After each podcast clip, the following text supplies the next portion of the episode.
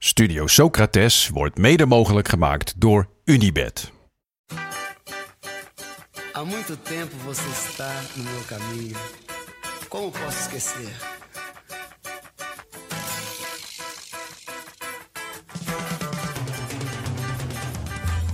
Welkom bij de EK-editie van Studio Socrates, waarin we de komende weken op zoek gaan naar het Bert Maaldrink gevoel. Beleza é você, menina. Menina. Toen Louis van Gaal vanavond het Koning Boudewijnstadion binnenstapte, stonden de spelers al lang en breed op het veld. Dat kwam omdat de bondscoach een persconferentie achter de rug had die zijn weergaan niet kende. In lengte en in openheid. Een voorbeeld. Mijn aanvoerder wordt Wesley Snijder. Ik heb mijn tweede aanvoerder ook al benoemd. Wil je die ook weten? Kom maar op. Dat wordt Dirk Kuyt. Dus ja, ik, ik ben aardig opgeschoten. Ja, wij ook. Menina, todos querem te amar. Zo, even rust. Even niks. Even vragen hoe het met de vriendin gaat. Alles oké? Kinderen ook goed? Poest op werk? Misschien weer eens een keer douchen. Even naar buiten, wat sporten wellicht. Twee dagen even de ogen van het scherm. Balletje trappen. Inspiratie genoeg tenslotte. Als liefhebbers en podcastmakers hebben we natuurlijk alles gekeken. Voor jullie hè, voor jullie. Dus daarom was het stiekem wel lekker om even die spanning eraf te halen. Om nog meer gefocust te zijn in het tweede gedeelte van het toernooi. Het gedeelte waarin de prijzen worden verdeeld. We blikken terug en een beetje vooruit. En dat doen we niet alleen. We hebben vandaag een hooggeëerde gast. En het is niet Arno. Welkom, Arco. Bedankt heren. Je achternaam eh, mag je even zelf uitspreken. dat vind ik altijd een lastige. Gnocchi. Gnocchi. Gewoon echt als het, als het gerecht. Zeker. Ja, Jaster, dat moet jij kunnen waarderen. Ik waardeer gnocchi sowieso, de persoon en, eh, en het gerecht. Ja. Lekker. Ik, ik durf ook wel te zeggen dat ik een goede no- gnocchi in huis heb. Ja? Oeh, ben benieuwd. Ja, hij heeft laatst lasagne voor ons gemaakt. Zo, die was lekker hè? Kevin. lekker. Eh, ehm, wa- waar, waar, ja, we Ja, we moeten hem kennen, even... zijn er mensen die Arco niet kennen, denk je? Ik hoop het niet. Ik denk dat mensen die Ajax niet volgen mij zomaar eens niet zouden kunnen kennen. Zeker als ze niet op Twitter zitten. Misschien wel niet willen kennen. Ja, ja, precies. ik, ik sta bij redelijk veel mensen ook geblokt inderdaad. eh, Want dat Ajax, komt eh. omdat je de Pak Schaal, eh, of de, ja, en voorheen de, de Pantelich podcast maakte over Ajax. Zeker. En eh, Inmiddels ben je de hoofdredacteur van... eh, Dag en Nacht Media. ja, Een Dus- groot eh, podcast, uitgeverij of netwerk van Nederland. Zeker. een grote speler dus. Een de grote druk staat speler. erond, Ja. erop bij ons. zeker. En ehm, ja, we hebben jou eh, uitgenodigd omdat jij ons eh, een aantal weken geleden gemaild hebt. En ook hebt uitgenodigd om een keer eh, te komen praten over onze podcast. En eh, in combinatie met dag en nacht. Ja. Daarover later wellicht meer. De, kom- Hopelijk de ja. komende weken hopelijk meer. Hashtag Maar- announce eh, Studio Socrates. Maar ja, we- welkom. Leuk eh, Dank, dat je er bent. Ja, het is voor mij een, eh, een grote eer. Want ik, eh, ook als gewoon als luisteraar, geniet ik erg van jullie eh, voetbalkennis. Veel, eh, veel lachen op de fiets op weg naar werk, vooral. En veel respect ook voor jullie meters die jullie maken met EK. En eh, parate kennis voor, over toernooien en, eh, en clubs en wedstrijden. Waarvan ik dan altijd denk, maar toen zaten jullie nog in de luiers voor mijn gevoel. Maar eh, Heel Des- veel oude videobanden. ja, dat komt- daarom de, de VHS-collectie moet... eh, dan wil ik wel even je geboortejaar eh, erbij pakken. 1980. Oh ja, Dat dat is, eh, echt- En weten jullie ook, vandaag is natuurlijk de dag dat Van- Nederland Ja, van de finale van het eh, 88. Kijk, dat bedoel ik. Was je, waren jullie toen überhaupt geboren? Nee, Ik- 89. ik, was, ik was twee. Heel, ja, dat was dus mijn eerste Oranje grote. Ja. Ja? Ja, het- Oh. ik heb 87 op tv nog vaag meegemaakt dat Ajax die de Europa Cup 2 won. Maar 88 was wel echt het moment. En Zo. eh, het was ook maar twee poeltjes, hè? Meteen naar de halve finale. Hele toernooi is er geen rode kaart gevallen. Dus er is geen penalty shootout geweest, geen eens een verlenging. Geen één wedstrijd 0-0. Het was een legendarisch toernooi, maar ja, jullie moeten maar mijn woord aannemen. Nou ja, het is sowieso... Je bent wel een beetje verpest dan, toch, als voetbalkijker? Precies, Want je, bent, je, bent, je was, eh, nou ja, acht. Ja, Dan denk je gewoon dat de wereld... Ik was tien toen Ajax de Champions League won. Dat ik dacht ik. toen dat de wereld zo in elkaar stak. Ja, en ik was zes toen Ajax, ja, toen de, de Champions League. Je bent zo, Ja. zo. Je bent gewoon verpest voor de rest van je leven. om de twee jaar is er een enorm voetbalfeest. Dat is ongeveer eh, wat er te doen is. Ja. dat is, nou ja, niet Maar ik zie het toch wat positiever. Je hebt ook gewoon hoop voor de rest van je leven. Ja, dat is misschien wel waar. de, Dat is it's hope that kills you. Ja, Henk ten ook Katen wel zou zeggen, zie je dit glas? Dit is al half vol. Maar en hoe is het dan met dit eh, EK gesteld? Voor, met zulke verwachtingen? Het is, ja, het is, dat, dat, nu begint de grote uitdaging. Ik ben nu boven de 40, dus de midlife crisis die, eh, die dendert eh, binnenkort wel in volle kracht over me heen. Ik heb ook zo'n elektrische fiets gekocht, dat is ook zo'n teken, weet je Wel wel. beter dan een Porsche. Ja, precies, maar dat is van onze generatie natuurlijk. Weet Ja, je. De, de ja. boomers konden een Porsche betalen, maar wij net een elektrische fiets. maar eh, maar ik, ik ben dus aan het vechten tegen verbitterdheid. Weet je, dat hoort ook echt bij mijn leeftijd. Want ik zat ook met, eh, met een collega Anne Janssens en ik ging over, ja, ik kom er niet in met Nederland. Ook, ik ben dan maandag, de spelen ze tegen Noord-Macedonië. En ik ben ook woedend, omdat ik dan in de pool had ik 1-1 ingevuld. Heel veel zelfhaat. Van hoe kun je nou denken dat dit ooit een match... Maar ook vooral omdat ik dan gewoon... Wat ik zeg, ik ben een man van middelbare leeftijd inmiddels. En ik zit dan gewoon te haten op Dumfries en op, op Weghorst.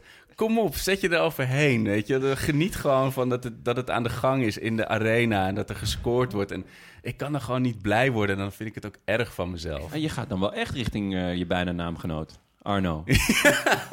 Ja, maar die, die, als je hem hoort met Zweden-Polen, klinkt het juist alsof hij, alsof hij eindelijk het weer eh, naar zijn zin heeft natuurlijk. Ja. Maar, eh, maar ik, kan- ik heb het gelukkig wel met andere wedstrijden. Zoals Engeland-Schotland stond ik echt ook, omdat ik in de pool ook daar weer een gelijkspel had gezegd. Maar ik, ik had echt hoop dat die Schotten het nog gingen doen. Maar eh, dus dan, dan voel ik hem wel. En natuurlijk tegen die, met die legendarische pot op, wat was dat, dinsdagavond. ja. Dan, dan zit ik er helemaal in. Maar ik zou heel graag nog een beetje dat oranje gevoel voelen. Alleen ik had het, dus precies dit had ik eh, in 2010. Eh, en toen zat ik ook, probeerde ik niet te haten op de kuits van deze wereld. en dat heb ik tot en met de finale volgehouden. Dus misschien is het juist een heel goed teken. Dat als ik niet in de stemming ben, dan, dan gaat het goed. En kwam het toen uiteindelijk wel, dat gevoel, toen ze eenmaal in de finale stonden? Nou, ik, er is, er- iemand had een, een GoPro-camera gezet op, eh, op het, de plek waar we de halve finale keken. Tegen, tegen Uruguay en tegen Brazilië. was allemaal op Nieuwmarkt hier in Amsterdam. En ik, je ziet mij in elkaar geslagen worden door mensen. Omdat ik, ik spring juichend op. En je, je loopt de hele tijd te zeiken over die Feyenoorders en die PSV'ers. En nu sta je het hardst te juichen. Dus ja, ik ben echt Ja. een verschrikkelijke successupporter met Oranje. Maar dat je in ieder geval naar jezelf kan kijken op zo'n manier, dat, dat daarmee distancieer je je al van de, van de Arno's van deze dat, dat siert je. Eh, maar los van het oranje gevoel, wat vind je van het toernooi? Ja, eh, ik vind het wel heel lekker. Ik, eh, ik- wat ik zeg, ik had hele andere verwachtingen getuigen mijn Scorito eh, invulsessies. Maar ik, ik, ik vind het jammer dat er nog niet één... Nou, ja, Wales heeft vorige keer natuurlijk zijn shine gepakt. Maar een Schotland of zo er doorheen naar de volgende ronde. Eén heroïsch land. En ik weiger Zweden cult te vinden, weet je. Dat die telt niet. Maar ik had gewoon gehoopt op, weet je, één heel gek land die ook nog ging doorstoten. En ook Denemarken vind ik dan te gehyped om, om achter te kunnen scharen. Eigenlijk Hongarije? Ja, Hongarije. Het komt ook bij mij als eerste omhoog. Maar ik ben echt heel blij dat die gewoon lekker naar huis zijn, hoor. Ja, maar het verhaal dat zij uit de, de pool des doods zouden komen, zou toch- dat Ja. zou toch gewoon... Ja. Ja. En dan roemloos ten onder meteen. maar dat maakt niet uit. Maar gewoon dat je die, die pool overleeft. Ja, is zo'n alsof je het, het. EK Ja. wint. Ja. Maar dat klopt wel. Ja, weinig Ja, echte ik hou dan denk ik te veel van gewoon mooi voetbal. Ik vind het eigenlijk heerlijk hoe het tot nu, tot nu toe gaat. Ja, en dat, dat genieten, en hier Ja. komt weer de verbitterde oude man in mij naar boven. Het genieten is denk ik wel voorbij. Ik denk dat we nu alleen maar Ben je nog een penalty, glaas- nul nulletjes, één eentjes, eh, penalty shootouts gaan krijgen. Wil je nog een glaasje azijn anders? Jas, je hebt nog wel wat staan, Ja, toch? zeker wel. Maar goed, dat kan ik zeggen, maar tot nu toe is, er komt niets Ik uit van wat ik heb gezegd. Dus eh, ik had ook Harry Kane volgens mij als topscorer van het toernooi. Dat gaat ook super lekker. Ja, dat is Nou, op zich zijn het allemaal goede tekens dan dat als jij nu voorspelt dat het een heel saai eh, eh, knock-out fase wordt, dat het dus juist een geweldige Legendarisch, legendarische ja. 6-5, ja. Ah, bij mij begon het oranje gevoel wel echt te komen op het moment dat bleek dat we toch wel heel erg gunstig zaten. Aan, het, aan de goede kant. Ja. En dat we tegen Hoe dat omsloeg na en die toen wedstrijd. dacht ik ineens van, wow, oké. Eigenlijk ligt de weg naar de halve finale open. Terwijl ik dat nummer van de speld nog steeds in mijn hoofd, hoofd heb. We komen tot de achtste finale. Het is absoluut het maximale. Maar in Tsjechië hadden ze ook een of andere krantenkop van het oranje lava, titelfavoriet. Ja. Die, die dumpte zichzelf natuurlijk in die, in die underdog-positie. En dan hadden ze ook nog een tornado in Tsjechië. Dus dat je, dan krijg je ook een beetje dat je eigenlijk wel een beetje sympathie voor ze moet hebben. Was er een tornado in Tsjechië? Ja, to- heb je niet gezien die beelden? Nee? Gewoon, Ja. gewoon een Amerikaanse uh, stormchaser-stijl tornado is door Echt? Tsjechië geklapt. Ja, ik- Katrina is daar eindelijk aangekomen. Je hebt eerst in Praag even in een kroeg gezeten. En dus toen, eh, Ah, nee, ik, eh, ja, ik kijk alleen voetbal en wielrennen, dat weten jullie jongens. Alles, alles voor de podcast. Heel goed. Ehm, we gaan op zoek naar het Bert Maalderink eh, gevoel. Dus de, de mooie kleine details om van het, van het niets iets te maken. De, de randzaken die het voetbal mooi maken. En voordat we naar onze momentjes gaan, even kijken naar de inzendingen van onze luisteraars. En dan, we hebben ja, deze week voor jou, Jonne, hebben we één, eh, één inzending die we graag met jou willen voorleggen. Nou, twee Oh. eigenlijk. Ja, Wat twee. Ja, want ehm, Ik Kijk. ben wel benieuwd. wij eh, houden van jou en we zullen jou niet, eh, niet zomaar rectificeren. Maar we nemen onze luisteraars toch wel heel serieus. Ja. En wij zitten op, wij doen, we onderhouden de, de Instagram-pagina. Ja. Dat, wij weten dat jij daar eh, nauwelijks de, die berichtjes leest. Ik ben de inlog kwijt ook. We hadden toch... Het, wa, de, de het was Siem de toch Jong. Siem de Jong. Ja, maar dat is het niet meer. Het, is- nee, maar toen was het dus een andere kutvoetballer. En die heb ik geprobeerd, maar... eh, Nee, ja, het gaat heel zit hij snel. niet meer bij de selectie? maar de ehm, er is, eh, er is eh, een beetje kritiek Oh. gekomen, Jonne. Pittig. Nou, kritiek Nou, wil ik niet zeggen, maar een- kijk, we hadden natuurlijk vorige aanmerkingen. aflevering een, eh, een edit van Joep Schreuder Zeker, in de ja. podcast. En toen kregen we twee keer een reactie van jongens, eh, helemaal eens hè, over Ja. die kritiek van Joep Schreuder. Totaal. Maar zei Jonne niet eigenlijk hetzelfde twee afleveringen geleden? Ja, ik, heb, ik, zei, ik zei over de eerste wedstrijd van Goossens dat hij eh, de, de minste aan, aan hun kant was van Duitsland. eh, op een best cruciale positie. Ik gaf wel in mijn ogen een stuk inhoudelijkere eh, en opbouwende Laat- kritiek. da- laten we dat voorop stellen. Dat En- sowieso. Goossens werd ook gewisseld, die eerste wedstrijd volgens mij. En nu ook weer. Ehm Goossens is, en dat is in dit hele systeem van Duitsland, is, en dat zie je ook bij Nederland, is heel essentieel. En als hij goed is, en dat zie je ook bij Dumfries bijvoorbeeld, dan is bijna het hele team goed. Als hij niet goed is, dus als hij de ruimte niet goed kan bespelen, of ja, simpelweg zijn dag niet heeft, dan is het team letterlijk en figuurlijk eh vleugellam. ja. En volgens mij heb ik dat gezegd. En ben ik niet zo vernietigend geweest als Joep, me- het meningencircus Schreuder. Eh, officieel vijand van de show. Ja, en het probleem Het is- met Schreuder is natuurlijk sorry, dat, hij, dat hij zelf zegt dat je geen mening mag hebben. En vervolgens mening heeft. Daarom. Maar ik vond het toch, natuurlijk, het was meer, ik bedoel, het is geen kritiek op jou verder, maar het is meer een soort, We moeten Dat- onze luisteraars wel we serieus moeten onze nemen. luisteraars serieus nemen. En het is ook Nou, moeilijk niet, om, er- om, het, om die... ik heb heel weinig respect voor de luisteraars. Ik vind, en dat, ik vind dat zoals meneer toch wel een sievertje aan het doen is. hoor. Die zich echt heel slecht aan het ingraven. Luister, eh Micha Wertheim zegt altijd, er is niks mis met kritiek, maar dan moet het wel kritiek op Amerika zijn. En daar, daar blijf ik bij. Nou, mooi. Maar het geeft wel, we moeten hier ook wel een kwetsbaar in opstellen. Nee, want, we, want kijk, we zijn natuurlijk niet de NOS en eh, we, we blazen ook niet hoog van de toren. Maar we willen natuurlijk wel gewoon het over de mooie kanten van het voetbal hebben, zonder te vervallen in dit soort lastige voorspellingen en meningen. Eh, maar het is, ja, het, het is Eh, toch... nou ja, we hebben natuurlijk die teams geadopteerd, ook om er, om er met, met een scherp oog naar te kijken. Zeker, Eh, zeker. en te proberen te analyseren van, goh, waarom gaat het nou goed, waarom gaat het nou slecht? Eh, we gaan het straks nog over Duitsland hebben. Eh, want tegen Portugal was het gewoon heel goed. Tegen Frankrijk vond ik het redelijk. En nu tegen Hongarije was het gewoon heel slecht. Waar ligt dat dan aan?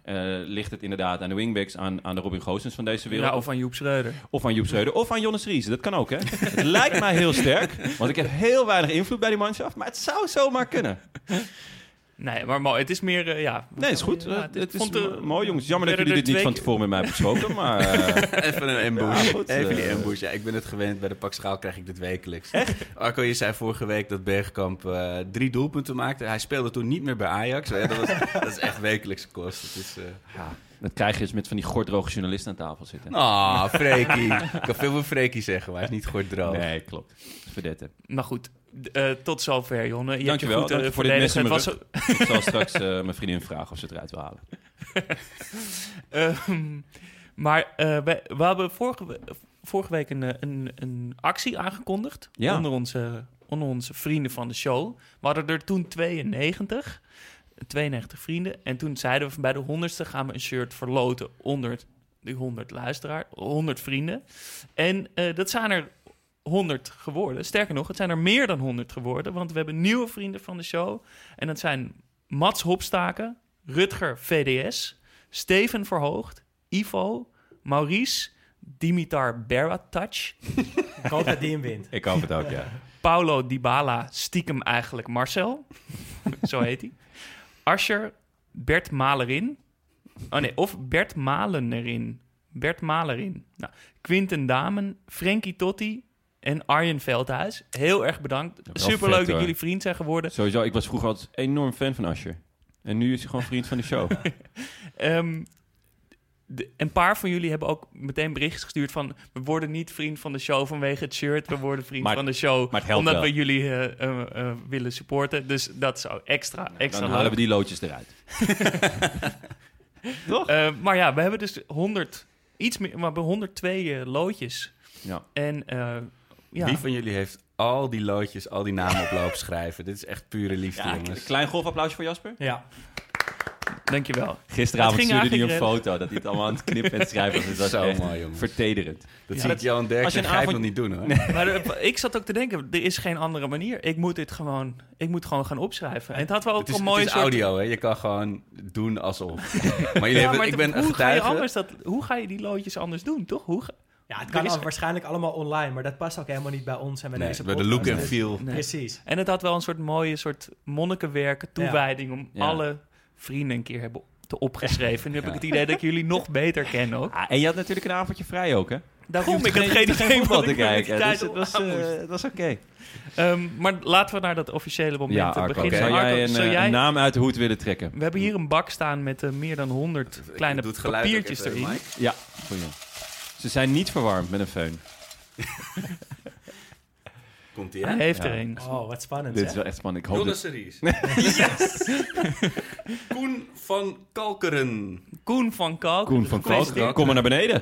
Je gaat door Het, voor de wasmachine. het, eh, het Balotelli-shirt komt jouw kant op. Eh, We sturen je een mailtje en dan eh, ja, gaan we dat of, helemaal of stuur regelen. ons even een mailtje. Is misschien handiger. Of op Instagram meld je even bij ons. En ja, dan, eh, met je dan contactgegevens. sturen we het shirt op. Ja. Gefeliciteerd. Ja, nou dat was leuk. Heerlijk. Ik vond het leuk om te doen. Vind ik ook wel heel leuk, zeker. Straks een foto hè, voor het bewijs. Ja. Oh ja, Ja, goeie. ja, Ja, goeie. ja. Eh, Koen van Kalkeren.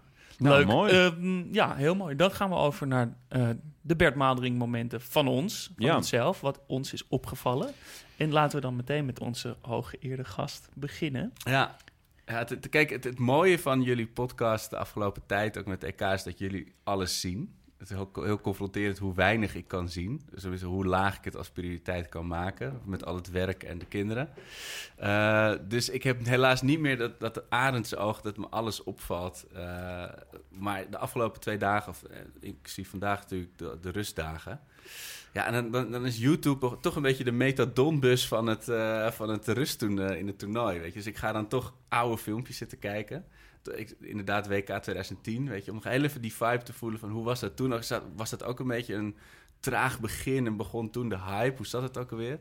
Maar toen dacht ik opeens aan mijn vriend Donny van de Beek. Want die is natuurlijk tragisch afgevallen eh, bij de selectie. Met dat filmpje wat hij toen gemaakt Nou, had. dat, dat is dus Oh, mijn hem. Bert Ah. moment van de Het is helemaal niet van nu. Maar ik had dat filmpje nog niet gezien. En dan staat hij voor de schuur in, in het tuinhuisje van zijn ouders... waar hij waar die volgens mij eerst woonde. Nee, Eh, Kerkerveen. Ja.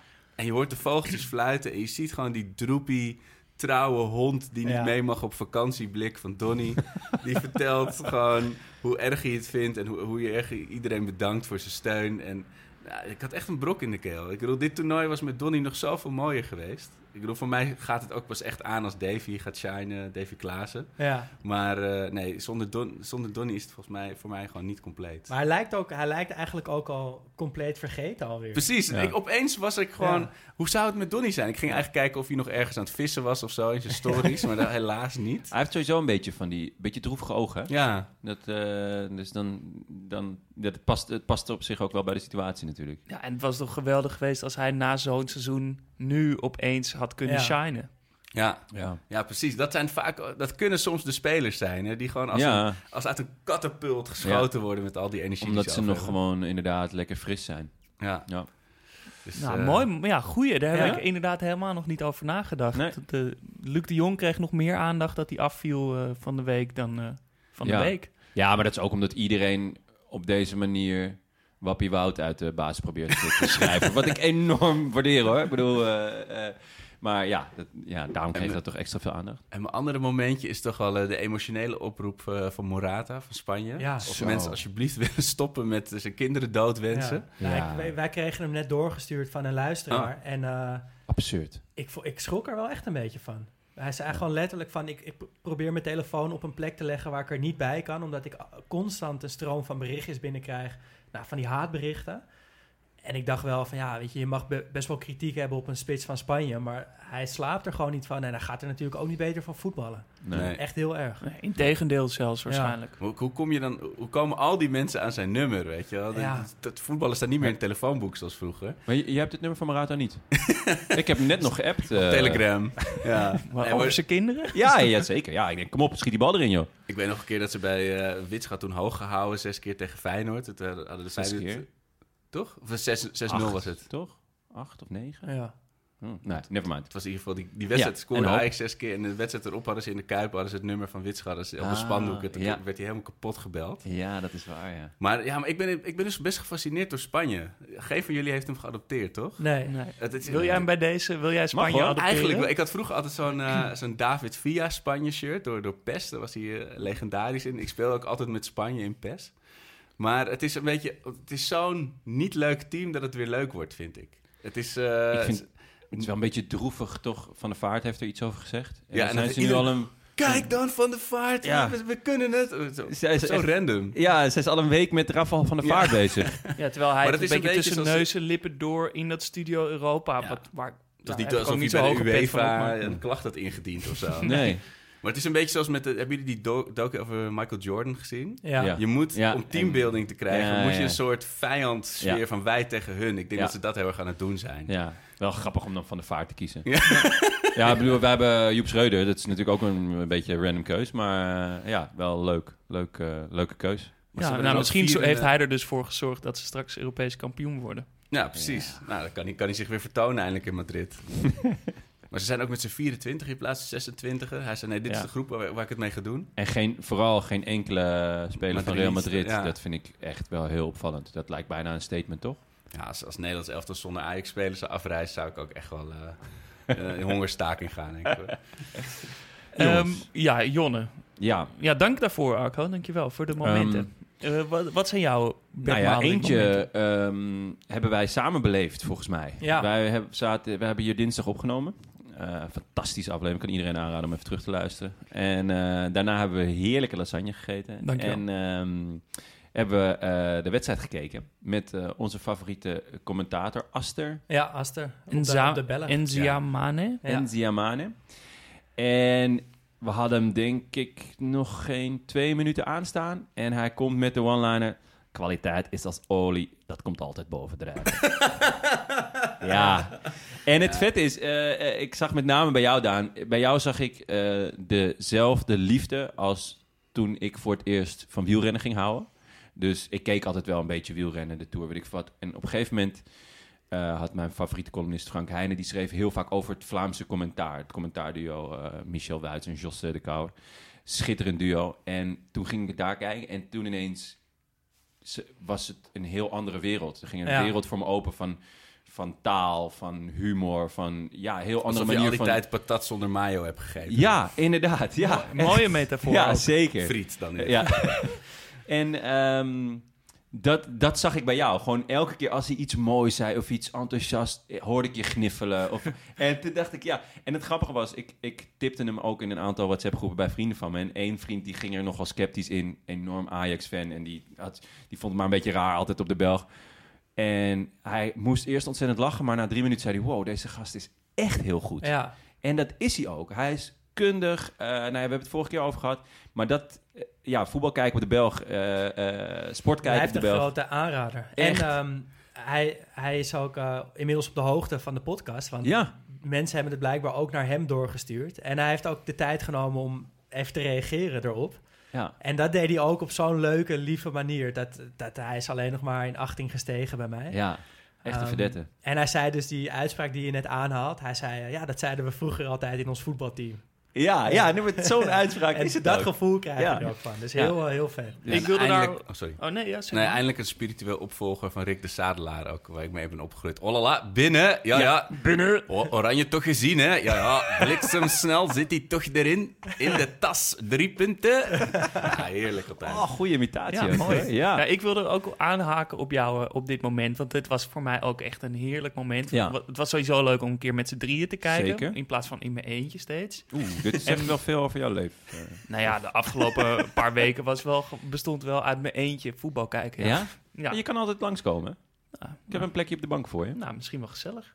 Ehm, maar eh, we zaten naar Engeland te kijken en daar deed Aster het commentaar niet. En toen, ja, ik moest natuurlijk Engel- Engeland kijken, want dat is mijn geadopteerde team. En toen schakelden we toch even over naar Schotland.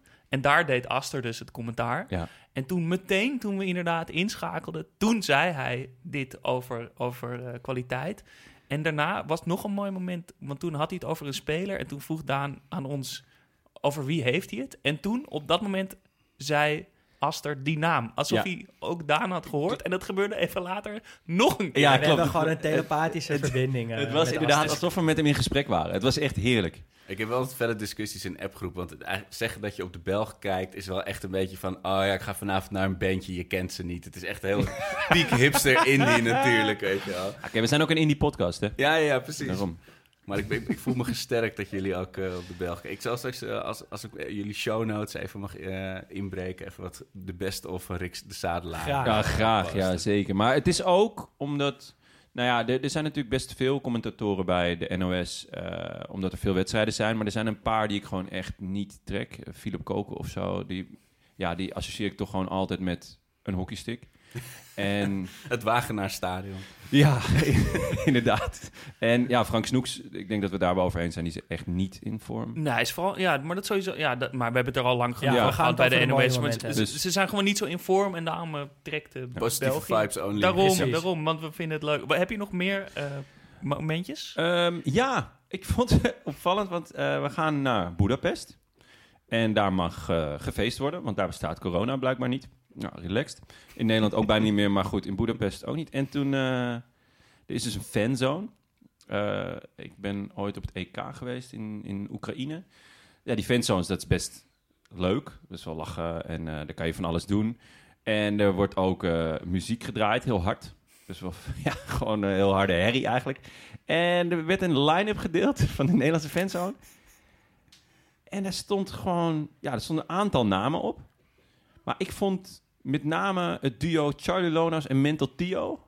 anno 2021 een opvallende keus.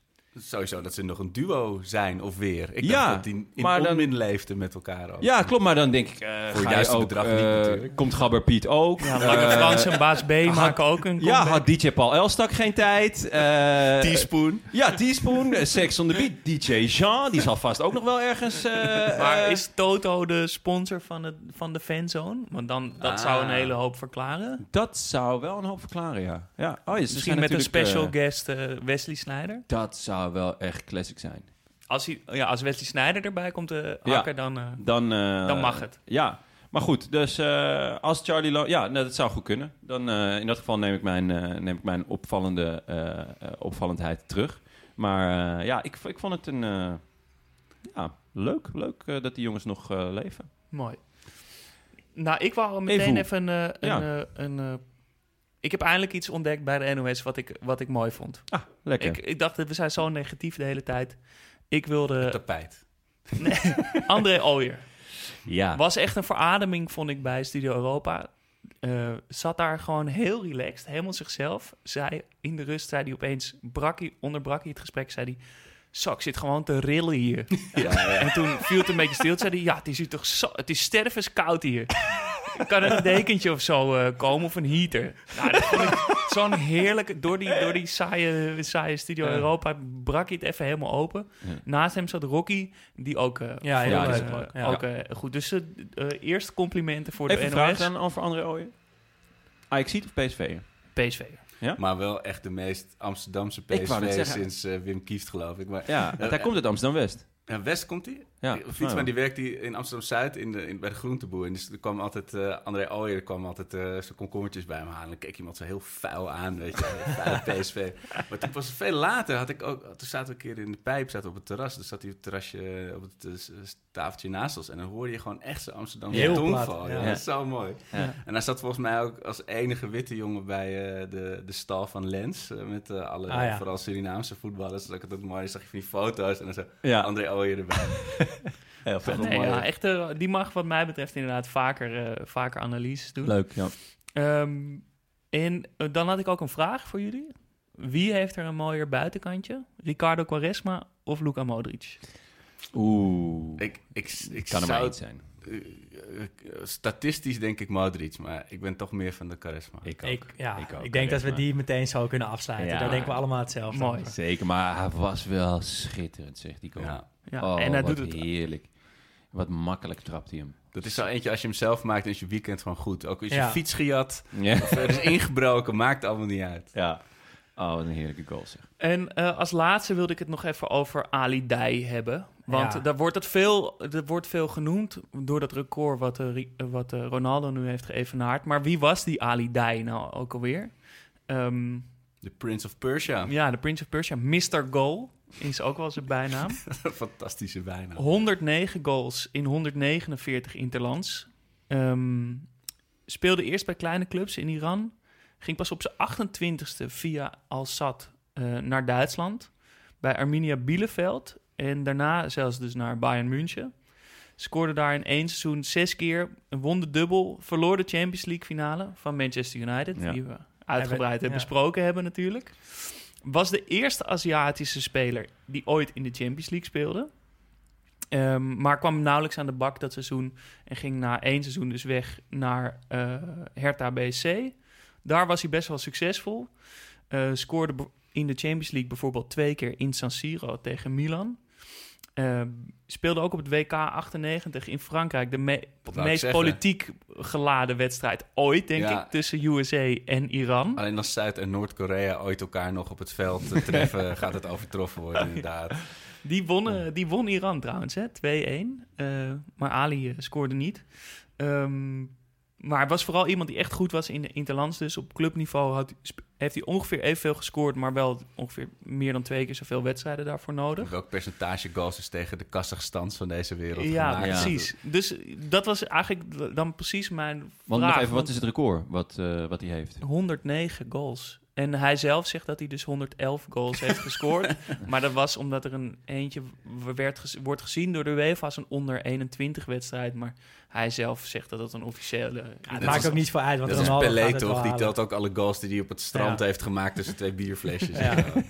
Maar de- mijn vraag was inderdaad precies wat je zegt. Van wie is het nou eigenlijk knapper? Van Ali Dai of van Ronaldo? Want de een heeft een veel beter team en het veel professioneler. En de ander heeft veel mindere tegenstanders. Dit is toch duidelijk? Toch? Wat dan? Ronaldo. Ja, ik zou ook zeggen Ronaldo. Tuurlijk. Ja. Ronaldo, ja. Ik vind Ali Dijs record wel leuker. Die slaapt denk Dat ik niet al vier ja. jaar in een eh, zuurstoftent. eh Nee. Met, met eh, eet alleen maar eh, shakes. En eh, ik denk dat hij er iets leukere levensstijl op na heeft gehouden en toch een record heeft. Ja, maar Ja, ik- nou, ik je denk, bent wel een beetje Ronaldo is de betere voetballer, maar ja, is het niet knapper dat je uit Iran kan komen en dan toch dit Het record? is gewoon heel veel makkelijker om te scoren tegen neppe teams. Ik bedoel, Ja, maar aan de andere kant zit er volgens mij niemand uit een klein land ook maar in de buurt van dit record van nee, Ali. Ja, Dus in die zin is het wel heel knap. Maar wat Ronaldo is gewoon alle goals, goalrecords aan het verbreken. ja. En ik denk ook echt dat hij niet stopt totdat hij ze gewoon allemaal heeft. ja. Even gaat- voor de luisteraars. Eh, Arco zit hier met een t-shirt. Met daarop Ronaldo met een streep erdoor. Messi met een streep erdoor. En Johan als, eh. Zonder streep erdoor. Maar dat kenmerkt me eigenlijk dat ook Ronaldo- als oude zure man, bedenk ik me nu. Ja, zeker. Dus dat je, en dan met name die streep door Ronaldo is natuurlijk heel kinderachtig. Wat hebben we nog meer gevonden? ja, Daan? Ja, bij mij. Ik heb me dit keer gefocust op eh, wat ik op het veld echt heb gezien. Maar dan wel dat, dat idee van van niets iets maken. En ik dacht daarbij heel erg aan de entree van Kulusevski bij Zweden. Want Zweden heeft natuurlijk twee wedstrijden echt verschrikkelijk gevoetbald. eh, met één lichtpuntje en dat was Isaac. Maar daar kwam Kulusevski nu bij. En ehm, die speelde de eerste twee wedstrijden niet vanwege een COVID-besmetting. Eh, werd wel bij de selectie gehouden omdat Zweden wist van als hij weer mag, dan, gaat, eh, gaat alles veranderen. En dat zag je dus meteen in die wedstrijd tegen Polen. En het is nou, precies het prototype speler waar ik van hou. Eh, een linksbenige speler op rechts, lekker lang, beetje sloom, Je beetje ogen fonkelen ook echt, hè, voor Ja. de luisteraar. Dit, dit moet je echt zien. Het is echt alsof het is- iemand een Ferrari in de showroom ziet Nou, dat dacht ik ook echt toen ik hem zag voetballen. Want hij, hij is gewoon alles waar ik van hou. En hij heeft ook wel een, een, een leuk eh, profiel wat dat betreft. Hij is op zijn zestiende al naar Italië gegaan. Ook niet verrassend dat dat weer Atalanta is geweest die hem zo vroeg heeft opgepikt. Eh, is toen verhuurd aan Parma, waar hij tien keer scoorde en negen assists gaf. Nou, dat Oh. is ook iets waar ik enorm van hou als goals en assist in verhouding zou zijn met elkaar. Dan denk ik echt van ja, dan moet je wel een goede speler zijn als je dat allebei kan.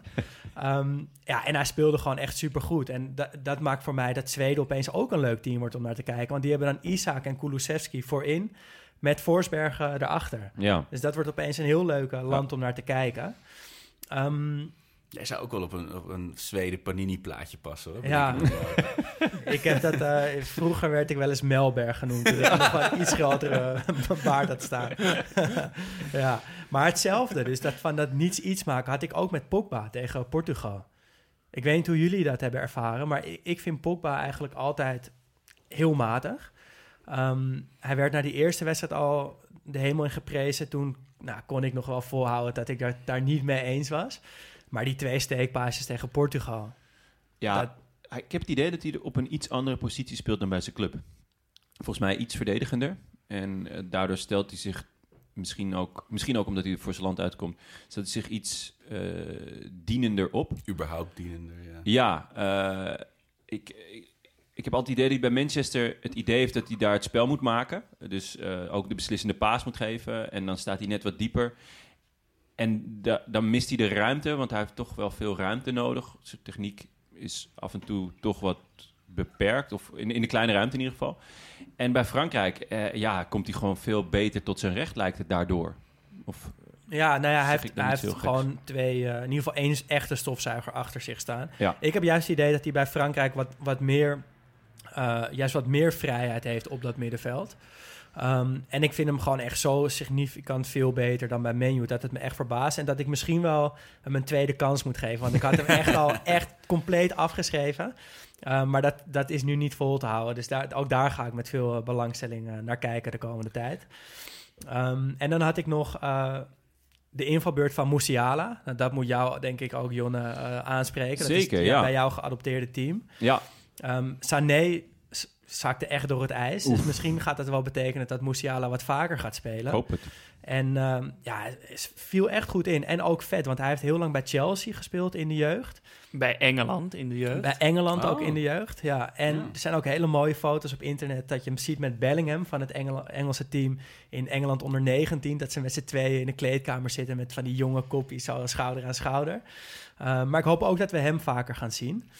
Um, en nog één momentje, dat moeten we toch even genoemd hebben. Dat gebaar van Goretzka na zijn goal. Dat hij dat hartje maakte naar al die uh, Hongaarse fans die daar uh, hem verrot scholden. Met die hele, nou, met die wet en dat, uh, wat er allemaal aan de hand is. Ik vond ook van, je hoeft dat natuurlijk niet te doen als voetballer. Die verantwoordelijkheid heb je helemaal niet. Maar het is wel heel sterk als je het wel doet. Uh, dus ik hoop dat veel uh, voetballers nog zijn voorbeeld gaan volgen. Ja, en het is zo vet dat hij het meteen doet. Hè? Ja. Hij heeft het zich van tevoren volgens mij al uh, ingeno- Voorgenomen. voorgenomen. En dat je dan in zoveel ontlading, want, want er stond echt wel wat op het spel. Ze, ze konden eruit geknikkerd worden. Dat je dan toch in één keer dat hartje uh, Ja. doet. Ja. ja. Ja, ik hoop echt dat... In Nederland... haters be haten uh, ja. erin ja. gooien. Ja. Nou, in Nederland speelt natuurlijk in uh, Budapest uh, zondag. Dus ik hoop dat we... Nou, we, we, gaan met die aanvoerdersband spelen in ieder geval. Maar hopelijk uh, zie je Wijnaldum of Depay op een gegeven moment ook uh, zo'n hartje maken naar die fans. Ik heb ja. een klein beetje FOMO voor het eerst sinds lange tijd hoor. Dat uh, een uh, vriend van me die gaat met de trein. Gaat hij naar oh, Budapest. Wow. Gewoon een vertrekje, gewoon eerst een biertje open terwijl je ja. centraal uitrijdt. Lekker tukken in een bedje. Word je wakker. De nachttrein. Ja, word je oh, één wow. keer overstappen nog in Wenen. Kom je zo aan, zo, mm, oh, en dan stap je uit, even naar Oranje, even eh, lekker naar het stadion. Even naar Mental Tio en Charlie Lonois. Even nog Life is Like a Dance. Ja. Oh, wauw.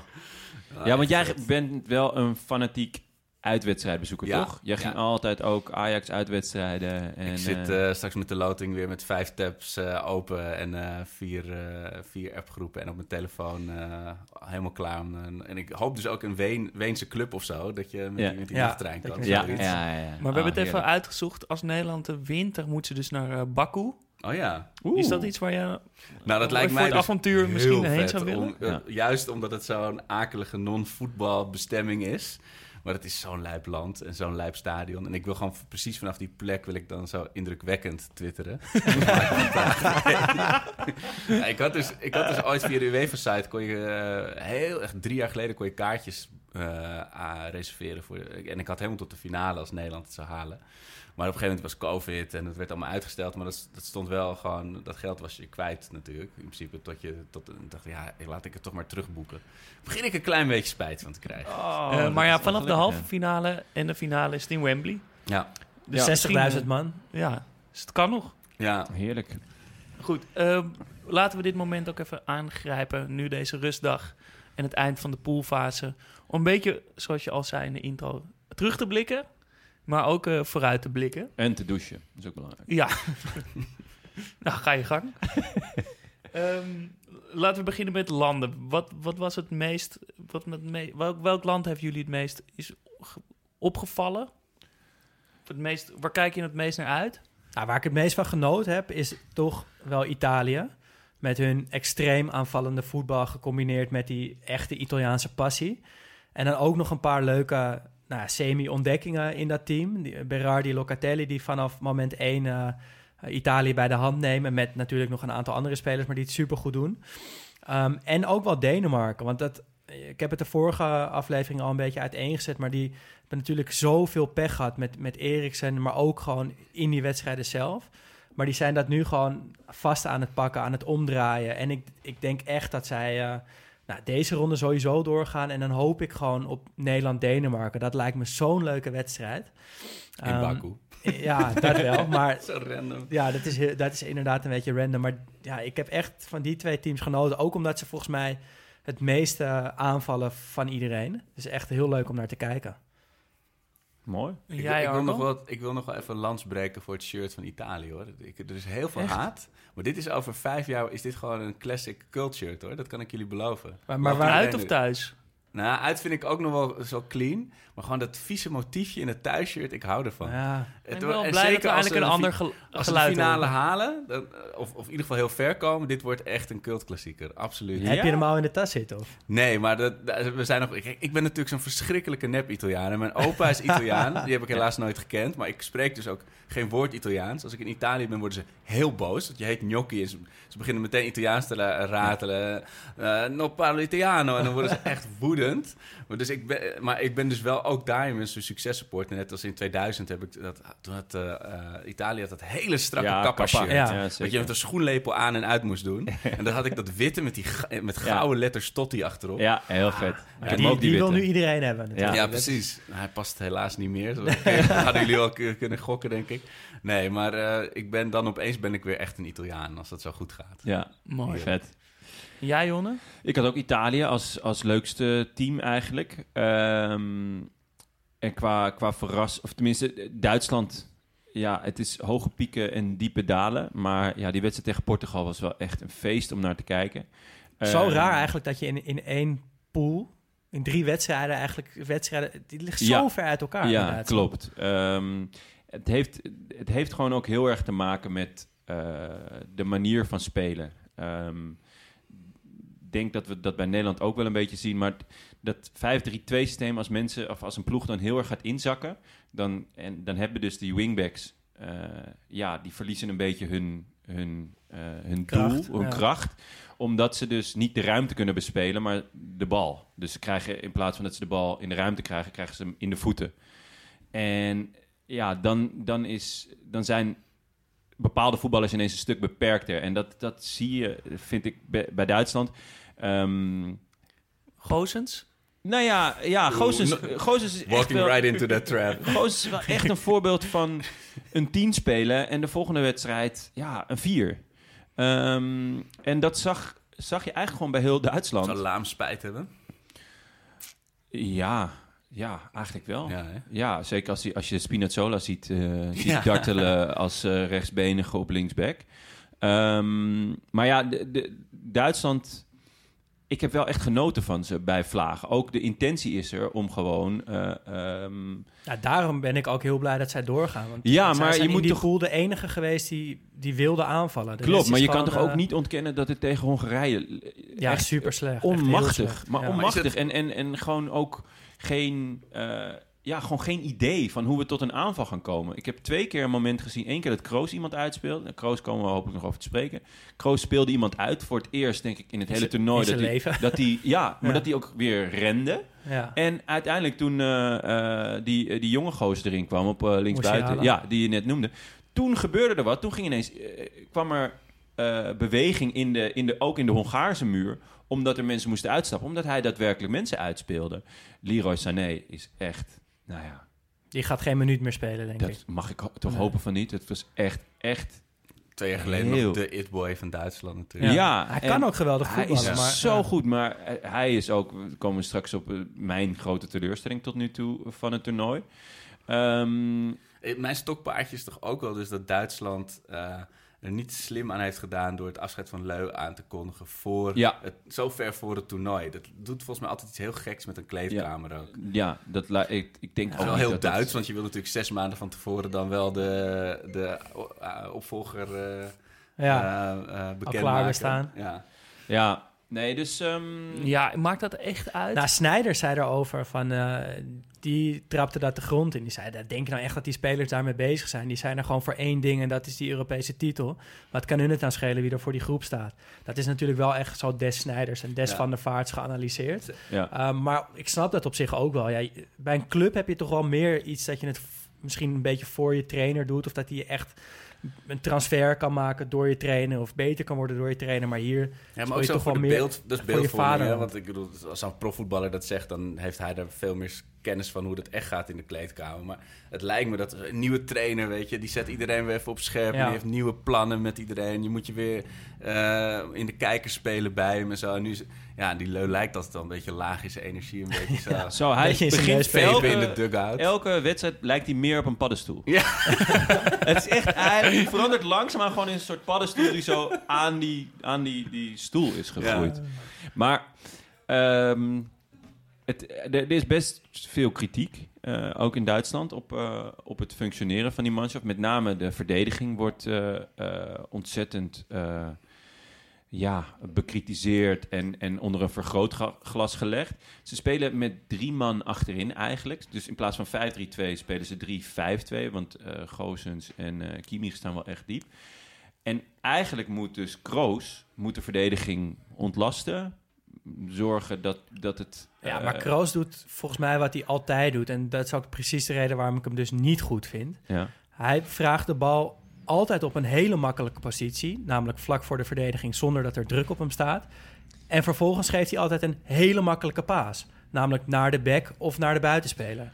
En hij heeft wel een hele mooie trap. Alleen die crosspaas, soort van, als je kijkt naar hoeveel meter die paas nou echt vooruit gaat...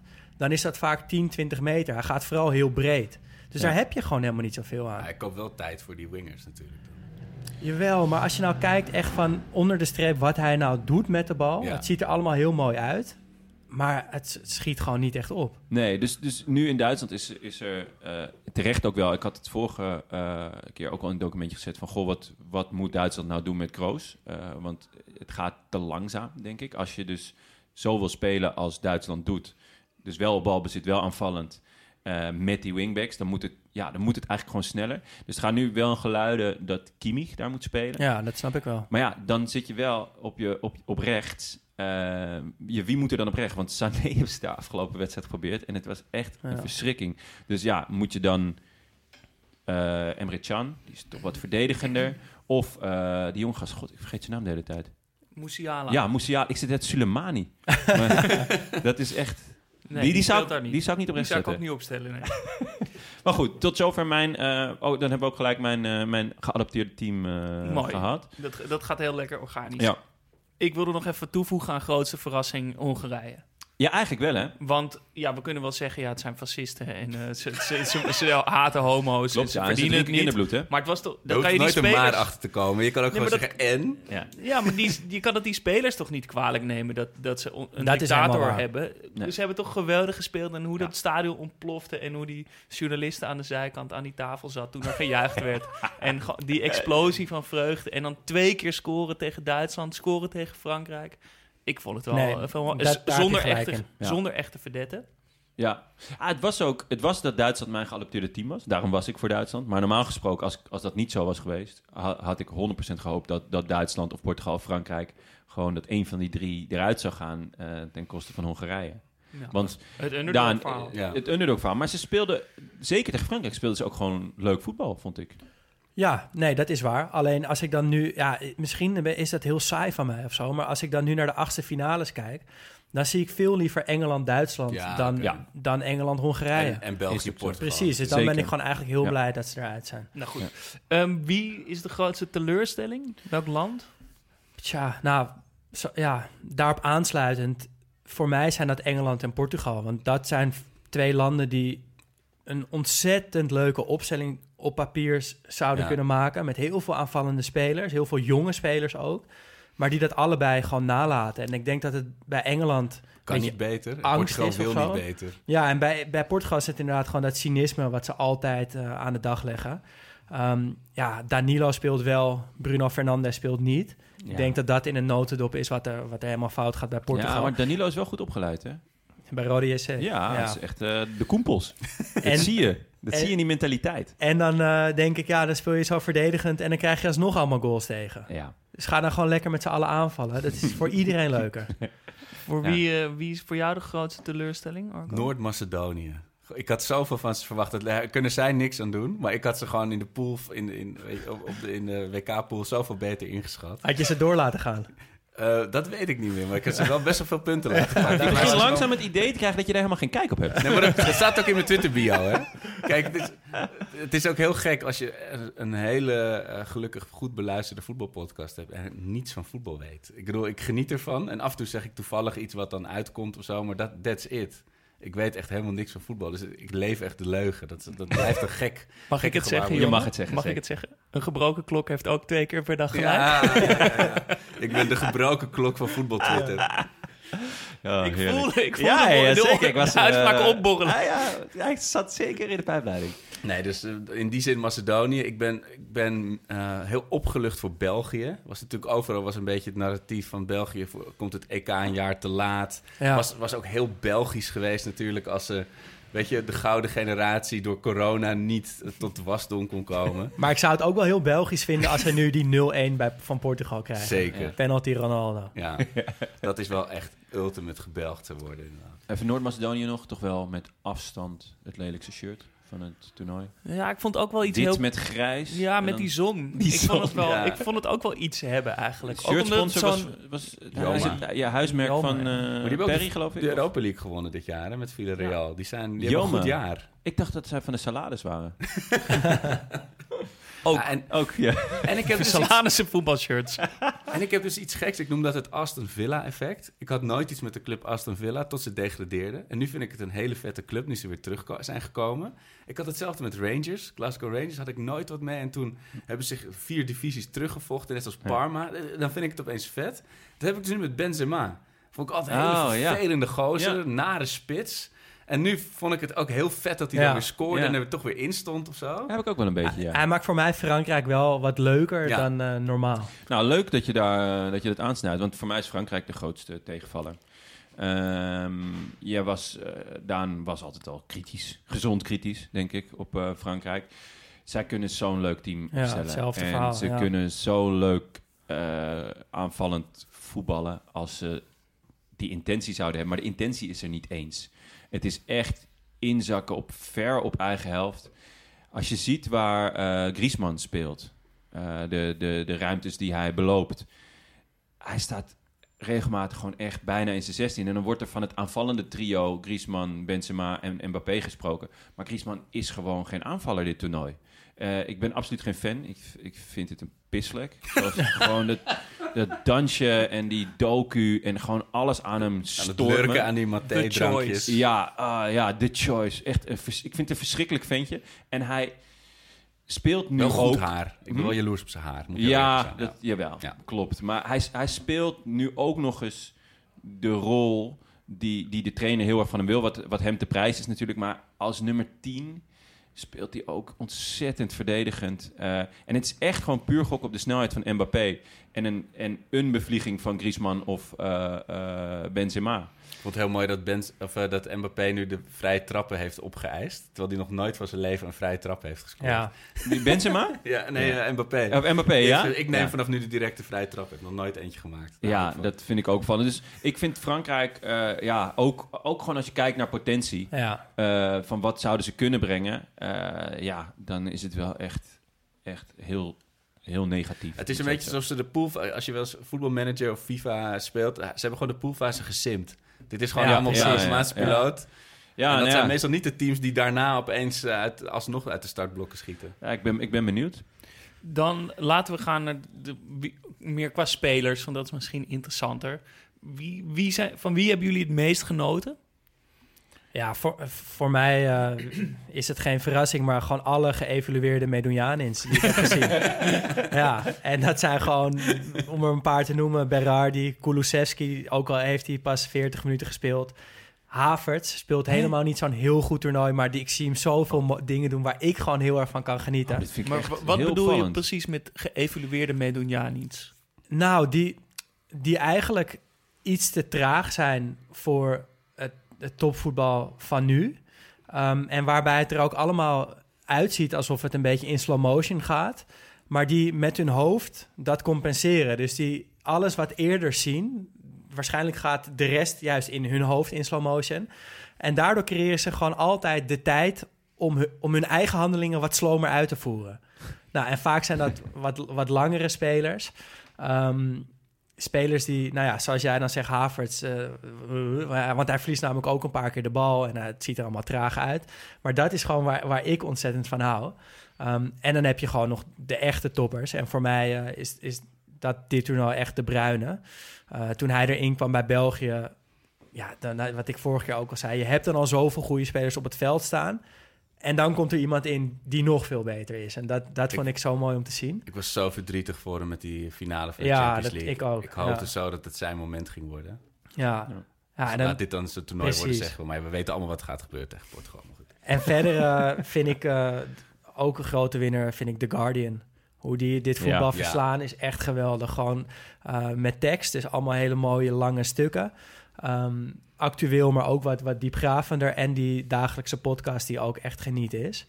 Ehm, dus dat is de andere grote winnaar tot nu toe. Mooi, mooi. Jij, Arco? Ja, Heb je een speler waar je nu ga- voor gaat zitten? nou, ik, ik, ik hoop Of bij de verrast? Denen dat de, dat de Dyn- Danish Dynamite Dolberg nog gaat ontploffen natuurlijk. Dat zou ik hem ook echt meer Ajax-hart, dat blijft Hij altijd... is derde eh, spits, hè, momenteel. Ja, maar die Breathwaite, ik weet niet, of Ja. niet eens of ik het goed uitspreek, die valt me mee. Dat, eh, hij heeft nul goals gemaakt, daar niet van. Maar daar moet ik altijd heel erg om lachen bij Barcelona. Maar in, Ja. in dit team... Maar daar, daar, hij is natuurlijk bij lange na niet goed genoeg voor Barcelona. Nee. Maar daardoor is hij niet opeens heel slecht. Nee. Hij kan best lekker voetballen. Nee, klopt. Maar Hij ik kan mis- alleen niet hoog houden, toch? nee, bij die presentatie. Ja. Oh, was hij ja? Oh, dat was Ja, ja. zo erg. Ja. Oh. Oh, wat was dat grappig. En dat hij daarna dan een filmpje had gemaakt thuis dat het wel lukte. Dat was nog droeviger. Maar met Dembele lukt het ook niet hè, tijdens zijn presentatie. Nee, en maar wel en PlayStation Hazard trouwens ook niet. Nee? Nee, bij... eh, Lijkt, Bij me, Real. lijkt me ook nog wel Dembele dat er is dan... sindsdien niks meer gelukt. ik.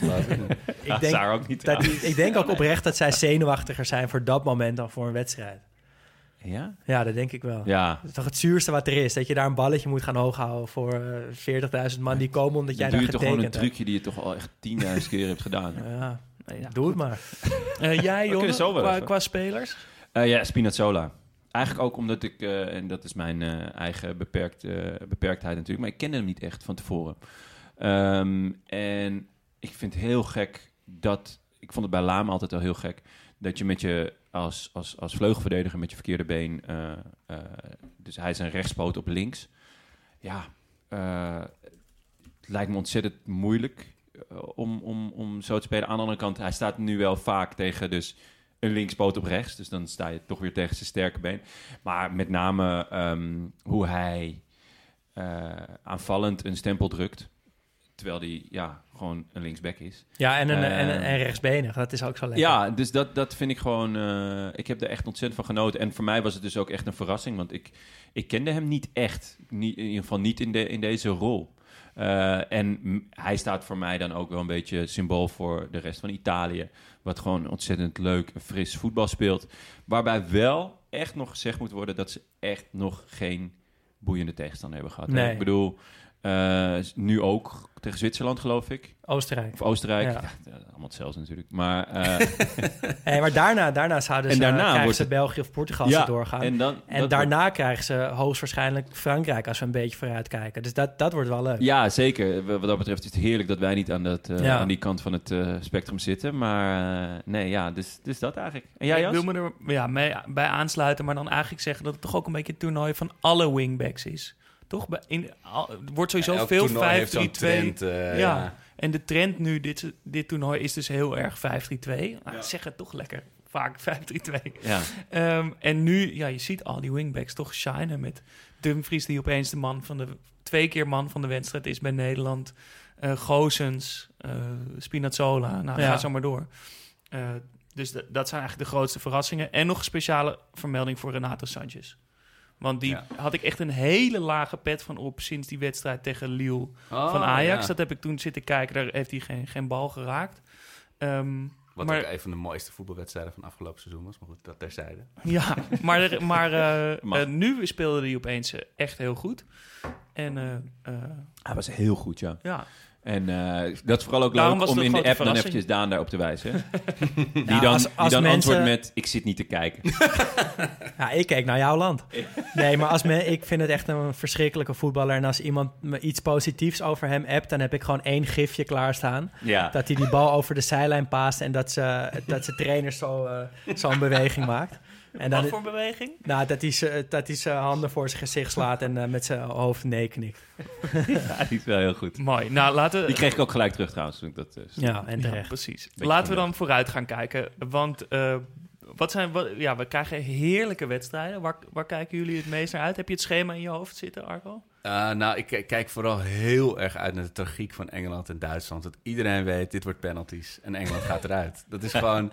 Je, je, kan, de- je kan hem gewoon nu al helemaal, helemaal schrijven. Engeland krijgt twee grote kansen, misschien zelfs een penalty in de wedstrijd. Mist hem, helaas eruit. En dan meteen, dan meteen dat shot dat ze na... Oh nee, het is niet meer op de BBC, hè, de Engeland-wedstrijden. Maar Nee. dat vond ik altijd het mooiste op zo'n eindtoernooi. En dat dit stom verbaasde gezicht van Lineker en zijn vrienden. Dat ze, we're, out, we're out of the cup. Je, eh, echt eh, dat totale Ehm, gebrek aan zelfkritiek. Maar weet jij welke wedstrijden er op de BBC zijn en welke niet? Want ik kan er niet echt een pijl op trekken namelijk. Nee, maar volgens mij zijn alle, alle eh, nationale elftal Engeland-wedstrijden zijn op ITV. Ja, maar Wales en Ah. Schotland zijn volgens mij ook op ITV. ja.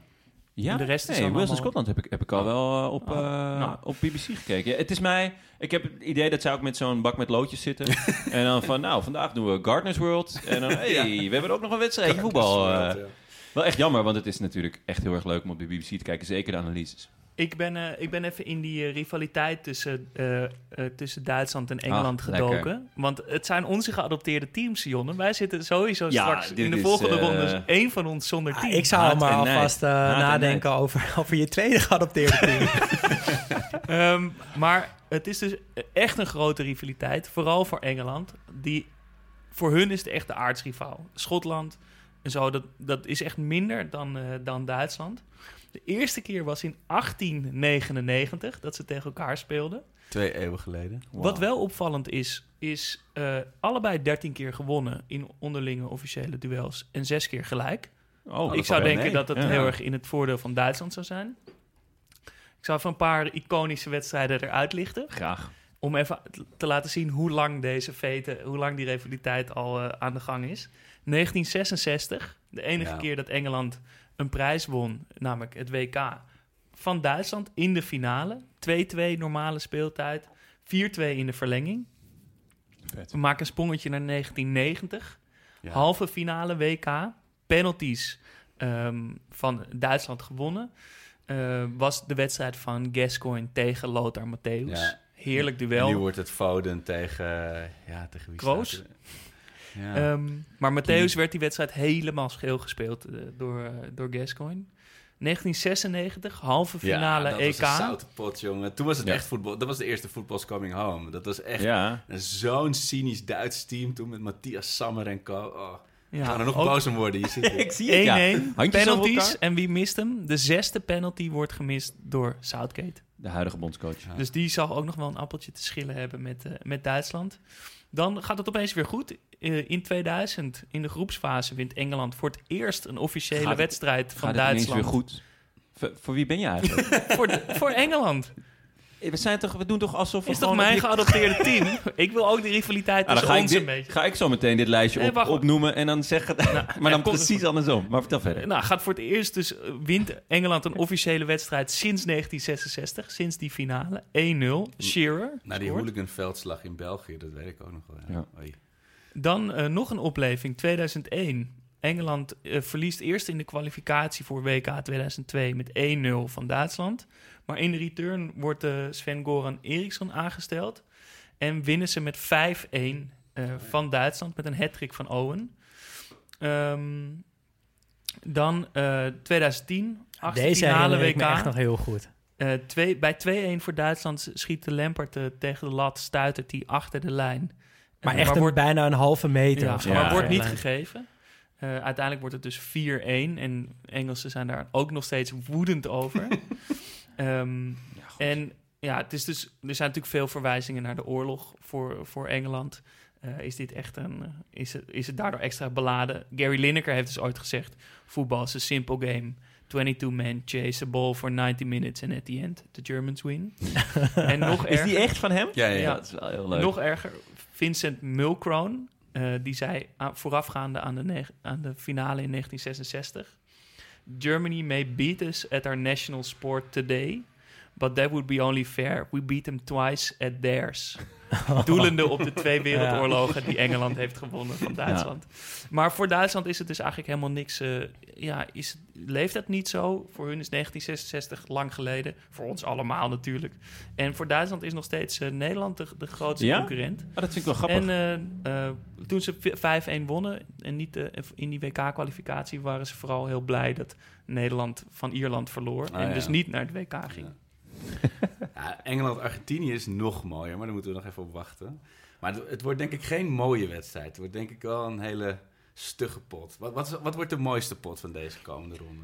Mm, ik heb wel echt heel veel zin in eh Wales-Denemarken eigenlijk. Ja, dat wordt gewoon heen en weer. Ja, dat Ja. denk ik wel. Dat dat een soort Ja. van ja, kick en rush van Wales tegen Ja. toch wel verzorgd, heel aanvallend voetbal van Denemarken. Ik hoop dat echt heen en, heen en weer gaat golven. voor Wales. Ja, gewoon echt een, eh, voetbalspektakel. En toch ook wel leuk dat hij in Amsterdam is. Ja.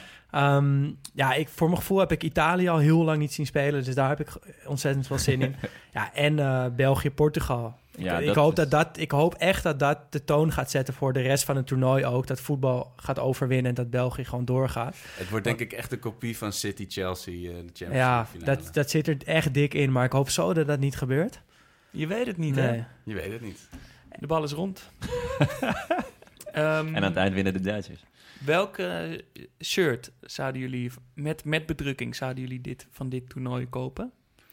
Als je mocht kiezen. Ik vind het Finland-shirt keihard. daar ik, is- zou, ja. ik zou... En als en ik dan 16 alsnog met Liedmanen gewoon. Ja, ik zou, als ik, als ik een paar jaar Sander. jonger was geweest, had ik Lam erachterop genomen. Zo, lam.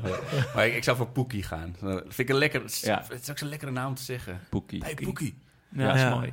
Of Arad Yuri. Ja, die held. Nee, ehm, je kijkt naar mij, hè? Dus Ja, ik ben aan de beurt. Ehm, nou je ja, zit hier voor me met een heel groot Nwanko Canoe shirt aan. Ja, nou, die kan ik bij denk ik geen enkel land achterop zetten van dit EK. Ehm, nou ja, het liefst een Italië-shirt, maar in tegenstelling tot Arco vi- vind ik die echt niks. Ehm, kom dus dan ga ik denk ik voor Engeland ehm, met Foden achterop. Kapseltje zou je ook goed Dat staan. zou wel echt lekker zijn, Engeland met Foden. Ik denk dat je daar ook gewoon heel lang nog blij mee bent met dat shirt. Ik sluit me erbij aan, maar dan eh, Grealish. Oh, ja. Ah, gaat naar City, hè, waarschijnlijk. Ja. Ja, Ja, Janne? Janne? Een Duitsland shirt, die Ja, heb ik je heb al. natuurlijk Duitsland al gekocht. En wie zit- zet je achterop? Ik zit, er, ik zit aan te denken om Radio Muller. eh, en dan met een antenne ook nog erbij. Want, eh, het was duidelijk dat, eh dat afgelopen eh, wedstrijd eh, zijn antenne kapot was. Want hij speelde niet, omdat hij dus niet helemaal fit was. En dat zag je ook wel eh, in. Ik hoop echt dat hij er weer in komt. Ja, ja de- de- hij kwam er in, in, in de tweede Ja. helft natuurlijk. Maar hij was, hij was licht geblesseerd of iets dergelijks. Hij was niet helemaal fit. Eh, en ik denk dat dat nu wel gaat... Dat hij gewoon gaat starten. 100 procent. Ja. En ehm, ja, ik, ik hoop dan dat eh eh, Goretzka ook eh, gaat spelen. Want die vond ik ook wel heel goed invallen. Ehm, ja, dus Radio Muller. Zeker. Lekker. Laten we dan ook even vooruitblikken naar het Nederlandse elftal. Ja. Eh, Tsjechië. Ja, wat, wat, Ja, wat, ik- wat verwachten we? ik verwacht eh, Om Ja, toch maar een dat mening eh, Nederland wel gaat winnen. Ehm, en voor de analyse, ja, ik denk dat ik jullie dan gewoon doorverwijs naar VI Pro. Daar staat een goede analyse. Uh, Nou, dat dat is, wel heel makkelijk. dan. nee, ja, maar ik kan wel gaan voorlezen wat daarin staat. Doe even je Maar dat heeft niet zoveel zin. Ehm, ik, hoop gewoon, ja, ik hoop dat het voetbal overwint. Het is weer hetzelfde verhaal. Tsjechië speelt wel echt heel verdedigend, heel stug. Ik zie wel Ehm, de 2004 Danger Zone, hoor. Ja, maar dat Ja. was zo'n ander Tsjechië-team. Nee, tuurlijk, maar Dit- daar zat er wel voetbal in nog. Zeker, je. dat was een superleuk team. Die kun je echt wel op stuk lopen, hoor. Ja. Ja, dat kan, maar dat, dat zou echt heel jammer zijn. Maar ik, ik hoop vooral dat ze doorgaan, zodat we daarna hopelijk tegen Denemarken kunnen spelen. Op een of andere manier zit die wedstrijd in mijn hoofd als, als de voetbalhemel van dit, eh, van dit EK. Dus, die Ja, shirts hopen. ook wel hard, hoor. Ik bedoel, Hummel Ja. heeft natuurlijk... Iedereen heeft erin gespeeld als je in de laagste klasse hebt Zeker. gespeeld. Ja. Maar toch, ik vind, omdat het ook een Deens merk is, vind ik het Ja. wel heel vet. Maar jij denkt ook gewoon eh, een beetje een stugge wedstrijd, maar wel door? Ik, weet, ik zou het wel des Frank de Boers vinden om dit te verklunsen. Om gewoon Nou, weer- juist niet, toch? Ik bedoel, het, ik heb... Het dus wel- hij, hij is een van de mensen die in het toernooi groeit, hè? Ja, ja, zeker. En ik vind ook, ik bedoel, Frank de Boer. uh, Ja, ik heb jarenlang naar Frank de Boer voetbal zitten kijken. Met meer dan gezonde tegenzin. Maar er werd wel altijd gewoon resultaat gehaald. Ja, Eh, met, een, ja. met een redelijke selectie. Ja, dus ja, Maar wie is dan, want ja, jij, jij was net eh, smalend over eh Siem de Jong. ja die haat ik echt.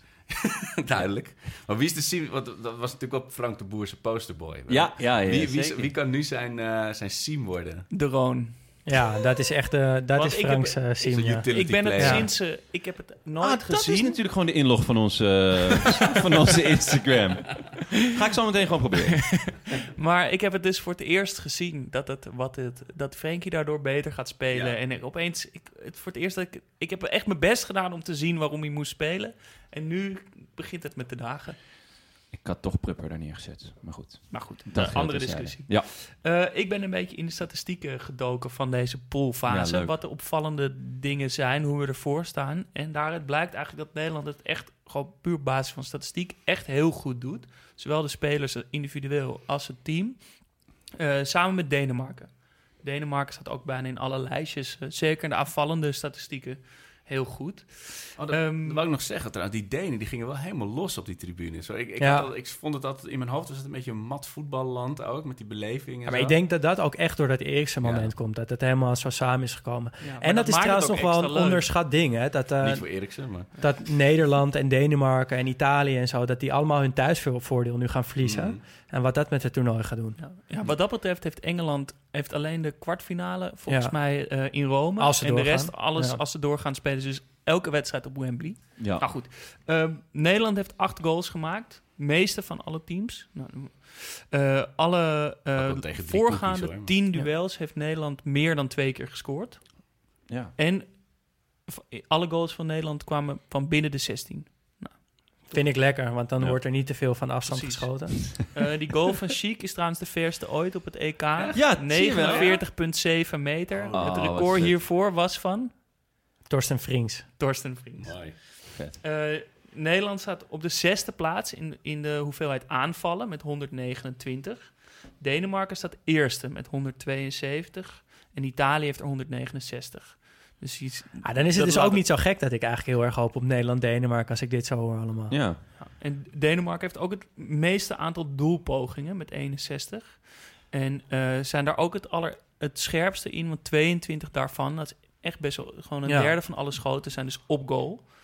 Ehm, Toch gek dat ze dan echt zo met de hak over de sloot Ja, nou ja, het is natuurlijk voor hun door- door natuurlijk een heel... natuurlijk. Nou, die eerste wedstrijd kan je al niet meetellen. ja. En die tweede wedstrijd tegen België. En de derde wedstrijd was gewoon echt heel goed. Ja, Ehm de Pai heeft na Lewandowski het meest geschoten van iedereen. Elf keer, waarvan vier op goal. Nou, dus hij, is wel, hij probeert het wel. Eh Wijnaldum eh, is gedeeld tweede met tien schoten, waarvan vier op goal. Ehm, en wat ook opvallend daarin is, is dat Wijnaldum, de Pai en Dumfries op de lijst nummer 4, 5 en 6 staan van de expected goals. Nou, dat is een hele ingewikkelde berekening, maar daarop kan je uitmaken van hoeveel goals je kan verwachten van een speler in een wedstrijd. En zij staan daar dus alle drie heel hoog in. vooral Ronaldo Dumfries uiteraard eh, natuurlijk, toch? op Wat zeg je? één. Vooral opvallend dat Dumfries zo hoog Ja. staat. Ja. Heel Ja. opvallend. Ja. Ik ben ook wel benieuwd of, eh, of eh, tegenstanders zich dan nu heel erg gaan instellen op Dumfries. Want dat is toch wel iets wat je van tevoren nooit had verwacht. Dat de tegenstander van Nederland zich zou gaan instellen op Denzel Dumfries. Ja, heel vet. Maar Heel dat vet. gaat wel gebeuren nu Ja. waarschijnlijk. Eh, wat ook opvallend is, is dat eh, Spinazzola en Nego van Hongarije zijn het snelste met 33,8 km per uur. Maar Cody Gakpo is vierde op die lijst met 33,6 km per uur. Zou ik ook graag nog wat, eh, wat vaker willen Ja. zien. Ja, we net zeggen, hij- we dachten ook, ik heb vijf minuten, ik ga gewoon rennen nu. Ja, zo hard als ik kan. Ehm, Nederland dribbelt ook veel, 51 dribbles. Dat zijn met tweede achter weer Denemarken met 55 eh dribbles. En Wijnaldum doet het het meest bij Nederland met 12 eh dribbles. Die staat derde en Mbappé heeft de meeste dribbles met 17. Grappig. Grappig woord ook eigenlijk, hè? Dribbels. Ja, Niet lopen Ehm, met de bal. ja, ik hoor het nog. Ehm, wat zullen we nog meer zeggen? Nou, in het verdedigende doen we het dus ook heel goed. De meeste balveroveringen. Ik heb het gevoel dat, 155. dat jij nu gewoon bezig bent om Arco toch dat gevoel te geven dat Ik er ga wat in allemaal zit. doorvertellen. Ja, Ja. Ja, nou ja, dit- het, spreekt echt. Ja, maar dat- dit er zijn echt veel, veel rijtjes waarin Nederland of eerst of tweede. Het ja. verrast me echt heel erg, want dat gevoel hebben we toch allemaal we hebben toch niet tegen drie koekjes gespeeld. Dat is zeker waar. Ja, nou dat ja, is maar toch, zeker je waar. zegt toch iets over de manier waarop je Ja, ook eh, speelt. Lijstje Nederlands met, meeste, eh, meeste balveroveringen, 155. En Stefan de de Vrij het meeste, 29. Ja, leuk. Iemand vroeg vandaag eh, naar het artikel waar jij het de vorige aflevering over had. Oh, ja. Ik heb hem doorgestuurd. Oh, leuk, ja. Ja, en eh, ja, wat je zegt, het stond ook allemaal goed in dat artikel. Van hoe hij bezig is met, met die honderdste van een seconde Ja. om voor zijn tegenstander te komen. Ja, artikel op de Correspondent van Michel de Hoog. precies. En nou, je ziet het, het, het komt ook terug in de lijstjes. Ja, Ja. Wat ook opvallend is, is dat we in, in het verdedigen heel weinig tackelen. We zijn er twaalfde met hoeveelheid tackles, met 33. Maar als we tackelen, tackelen, dan zijn ze heel succesvol. Want 19 daarvan hebben we de bal mee dat is de veroverd. gouden regel, hè. En daarin zijn we het best tackelende land tot nu toe. Als je gaat liggen, moet je hem hebben. Ja. Ehm, eh, Niet iedereen, niet iedereen is goed in tackelen. Dat mo- moeten we ook stellen. Want eh, degene die dus de rest van die onsuccesvolle tackles heeft gemaakt... dat is dus Wa- Wappie Wout. Ja, want die heeft zeven overtredingen gemaakt. Hij staat Die is gewoon zo blij dat hij in het veld staat. ja. maar die staat daarmee vierde eh, op de ranglijst van de meeste overtredingen. En dan ben je spits van Nederlands elftal. Wauw. Ja. Opvallend. Ja, en ook opvallend is dat er weinig overtredingen op Nederland worden gemaakt, maar 25. Oh, En op Denemarken de meeste met 40. Wat, wat, wat zegt dat? Dat Frenkie, eh, die, daar kom je niet bij. Ja, het overal doorheen. Het zegt dat het gewoon, dat het net als in, in, in al die lijstjes met, met hoe goed landen het doen, weet je wel, van eh, beste leefomgeving, beste zorg. Daar staat Denemarken ook het eerste. En Nederland derde of vierde. Dan denk ik, godverdomme, hoe kan het nou altijd? Wat, wat doen zij dan beter dan wij? Ik heb het gewoon niet door. Maar, ja, heel vet. ze zijn ook knapper volgens mij dan Nederlanders. Ja, dat zegt Lasse Schöne altijd, hè? Dat de meisjes in Nederland, eh, dat vindt, vindt hij in vergelijking met de meisjes in Denemarken, vindt hij niks. Ehm, dan even een beetje over, over het algemeen. Eh, Nederland staat op basis van statistiek eh, zesde op de plaats om kampioen te worden. 45% kans dat we de halve finale halen. Nou, dat is toch best, Dat is best aardig, ja. Frankrijk uiteraard eerste om kampioen te worden. Met, daar is 19,7% kans op. Ehm, en opvallend gevolgd door België eh, met 17% kans. Waarom? Statistieken houden niet rekening met de nationale volksgeest. Dat Nee. Maar waar- waarom vind je dat opvallend, Jas? Nou ja, ik had niet gedacht dat, dat België op basis van statistiek tweede zou worden. In, in, Ja, Ze komen eigenlijk nooit echt ver. Of tweede, niet tweede gaat worden, maar De tweede Ja. grootste kans is dat België. Maar, eh, weet je eh, hoe het berekend is? is ja, met heel veel eh, variabelen. Ja. Oké, ja, ik, ik zie België toch gewoon ook als eh, een heel leuk land om naar te kijken. Maar heeft Maar ook met debiel goede spelers, toch? Of Ja, ik, nou, ja, ik heb eh, het gewoon een beetje over het hoofd gezien op een of andere manier, België. Dit, dit Maar het was overal ook van de gemiddelde leeftijd is iets van 37 of zo. Weet je, Mensen willen allemaal links en rechts worden ingehaald. Nou, dat is volgens mij wel meegevallen. Ja, ontzettend. En dan is Hazard nog niet eens, eh, nog niet eens basisspeler in een Die vorm. is nog tijgerbal. En wat ik Ja, daar ja. trouwens nog wel heel goed aan vond, is dat eh Irma Courtois, de zus van Mhm. Thibaut, die zat eh, bij de NOS laatst. Fantastisch. Het was echt heel goed. En toen kwam Theo Jansen, geloof ik, met de open deur van... ja, ze zijn allemaal zo traag achterin. En toen zei zij van ja, Maar dat zijn ze, zijn ze altijd al geweest. Ja. Dat is nooit hun kwaliteit geweest. En ze zijn echt niet zoveel slomer geworden. En toen dacht ik, ja, dat, dat, dat is echt Ja. gewoon waar. Ja, Dat was echt heel scherp Maar geanalyseerd. Lukaku is ook gewoon de spirituele opvolger van Adriano in alles. Ja, ja, ja. Bangers. Kom op. Ja, echt. Eh, hij staat ook gewoon op de cover van eh Vogue. Ja. Ja, die zullen we op onze ook. Instagram delen. Dat is echt een super foto van Lukaku in ondergoed... met, met een kopje koffie, geloof ik, in Versace-kleding. Ik werd er een Op de beetje cover hitsig van van. de Italiaanse Vogue. Ja, en terecht. Sixpackie. Ja, dat is echt een eh, mooie foto. Ja, echt een mooie, mooie rope had hij aan. Ja. Het was echt schitterend. Ehm, Wat heb je nog in petto, Jas? Ja, nog Ja. één, één statistiek om te laten zien dat het, dat het eh, dat het dat waarschijnlijk een beetje een vermoeid EK is. Want eh, ja, lang Kort- seizoen. Kort op het seizoen, Ja. lang seizoen. Ja. ehm, elf penalties gegeven, zes gemist. meeste ooit. Zo, ja. Maar dat, zou toch niet aan, de vermoeidheid nou, willen dat je niet zoveel scherpte hebt. Eigen, de eigen goals. Ja, Ja. de meeste ook. Acht eigen goals. Dat is nu al meer dan Euro 2000, Euro 2004, Euro 2008, Euro 2012 en Euro 2016 bij elkaar. Wauw. Dus ja, dat kan toch wel kan Ja, liggen en aan een gebrek ligt- aan focus en scherpte, aan vermoeidheid. Maar ja, als al die goals in de 16 worden gemaakt ook steeds, ja, dan is het gewoon druk in de box. Ja, Ja. En waar je het ook aan kan zien is de, hoe vaak de bal wisselt van, van, eh, te- van team. Eh, normale eh, of andere toernooien is, gebeurt dat veel vaker. Dus de bal steeds heel vaak wordt, wordt afgepakt. Ehm, hier eigenlijk vrij weinig. En eh, teams spelen langere periodes met elkaar over. Dat er meer dan 10 passes worden gegeven. En, dan betekent dat je ook een beetje wil uitrusten aan de bal waarschijnlijk.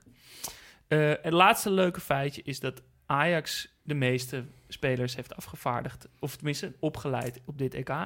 2000, of, 17. Amsterdams. Ja. Ehm, Man City tweede met 11. Maar opvallend dat Barcelona maar zeven spelers heeft afgeleverd. Evenveel als Swansea.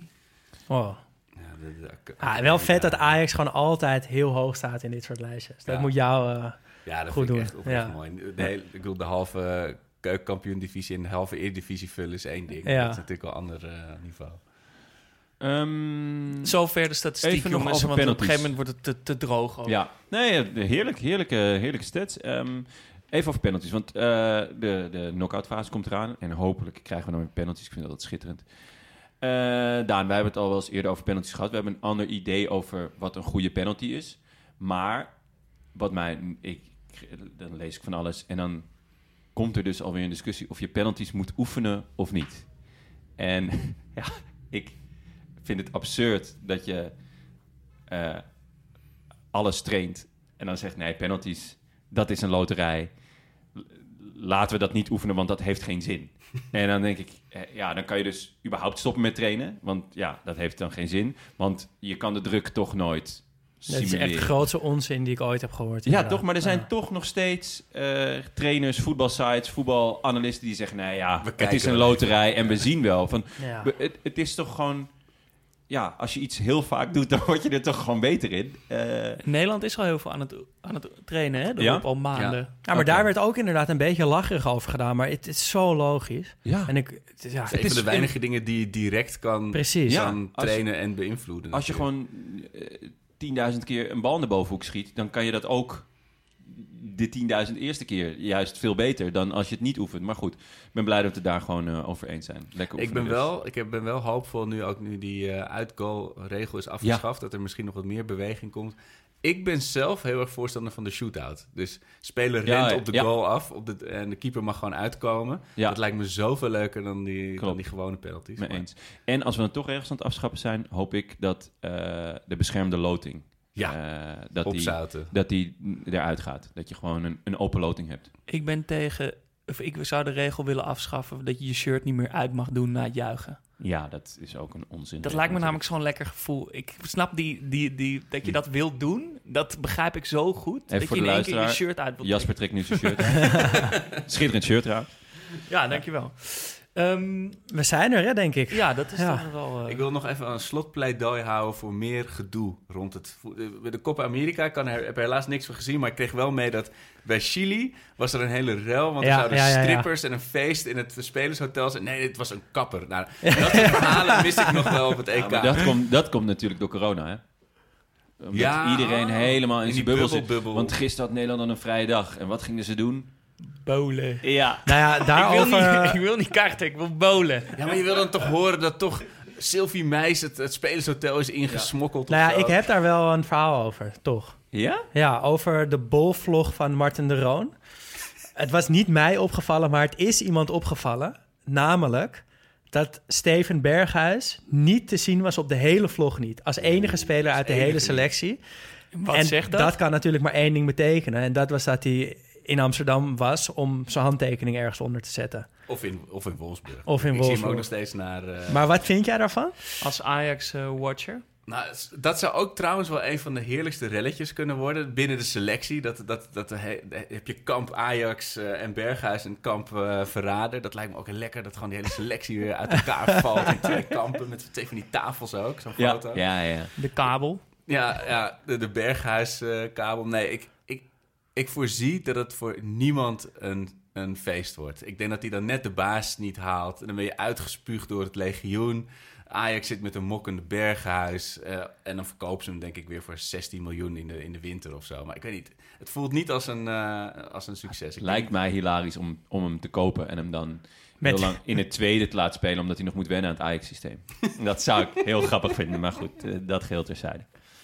Had jij nog iets toe te voegen, Jonne? Aan, qua randzaken? Eh, ja, zeker. Ehm, een vriend van mij die eh, eh, gooide in de appgroep een aantal foto's. Je kan bij de FOMAR, dat is een, een groot gutter, eh, kan je poppetjes verzamelen van, eh, ik denk EK-spelers, maar zeker weten doe ik het niet. Maar al die, al die supermarkten hebben zo hard hun, bot- hun hersenen zitten kraken op wat ze konden doen zonder aangeklaagd te worden door de KVB. De, de Plus die heeft die net niet echte Lego poppetjes.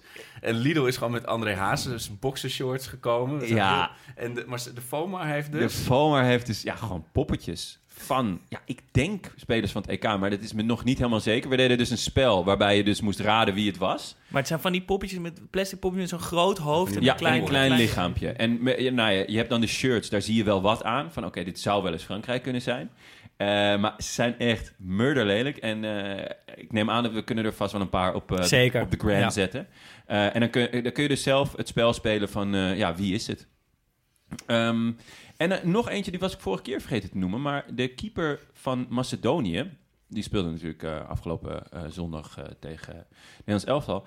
Ehm, en dat is aan de ene kant natuurlijk heel leuk voor hem, maar aan de andere kant mist hij da- da- daardoor de promotie van zijn club, Rayo Vallecano. Waar, Fantastische club. fantastische club met schitterend shirt. Als je ooit nog een, eh, een, een way day zoekt voor een leuk voetbaltripje, ga naar Madrid, ga naar Rayo. Dat is echt Ja? geweldig. Ja, ik heb, ik heb het shirt, heb ik al. Heeft Eh, eigen ervaring. ja, ja, ja. Ja, ah, vet.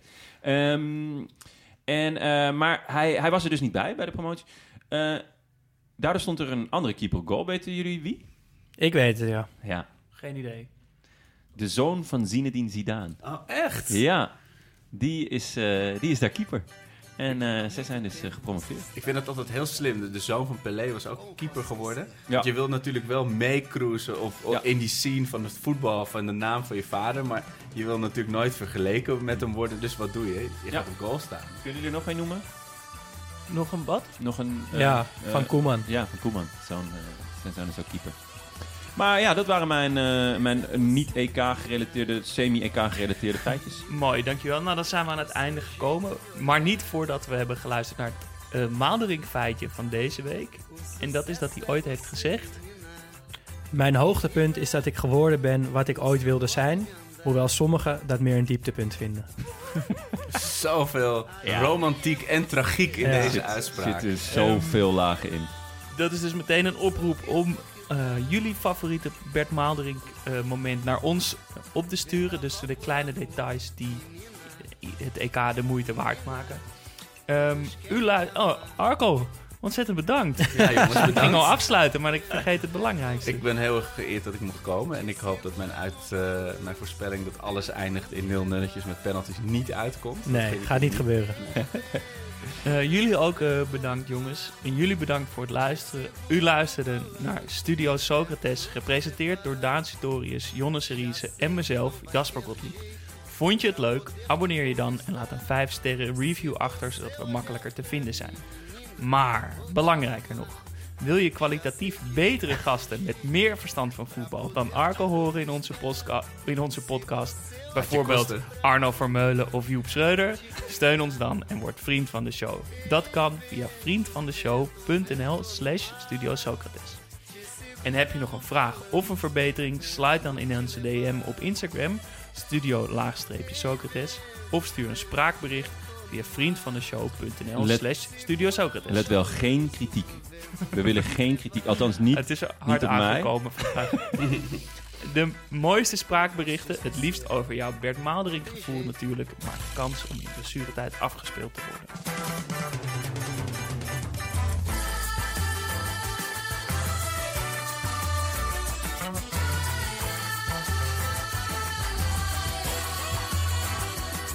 A beleza é você, menina, no seu jeito de olhar. O sucesso é você, menina, menina, no seu modo de andar. Alegria é você, menina, menina,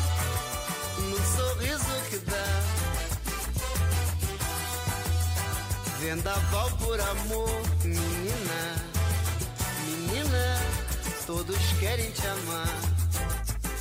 Ei, vento, vento, vento no mar, te segura no balanço pro vento não te levar. Ei, vento, vento, vento no mar, te segura no balanço pro vento não te levar.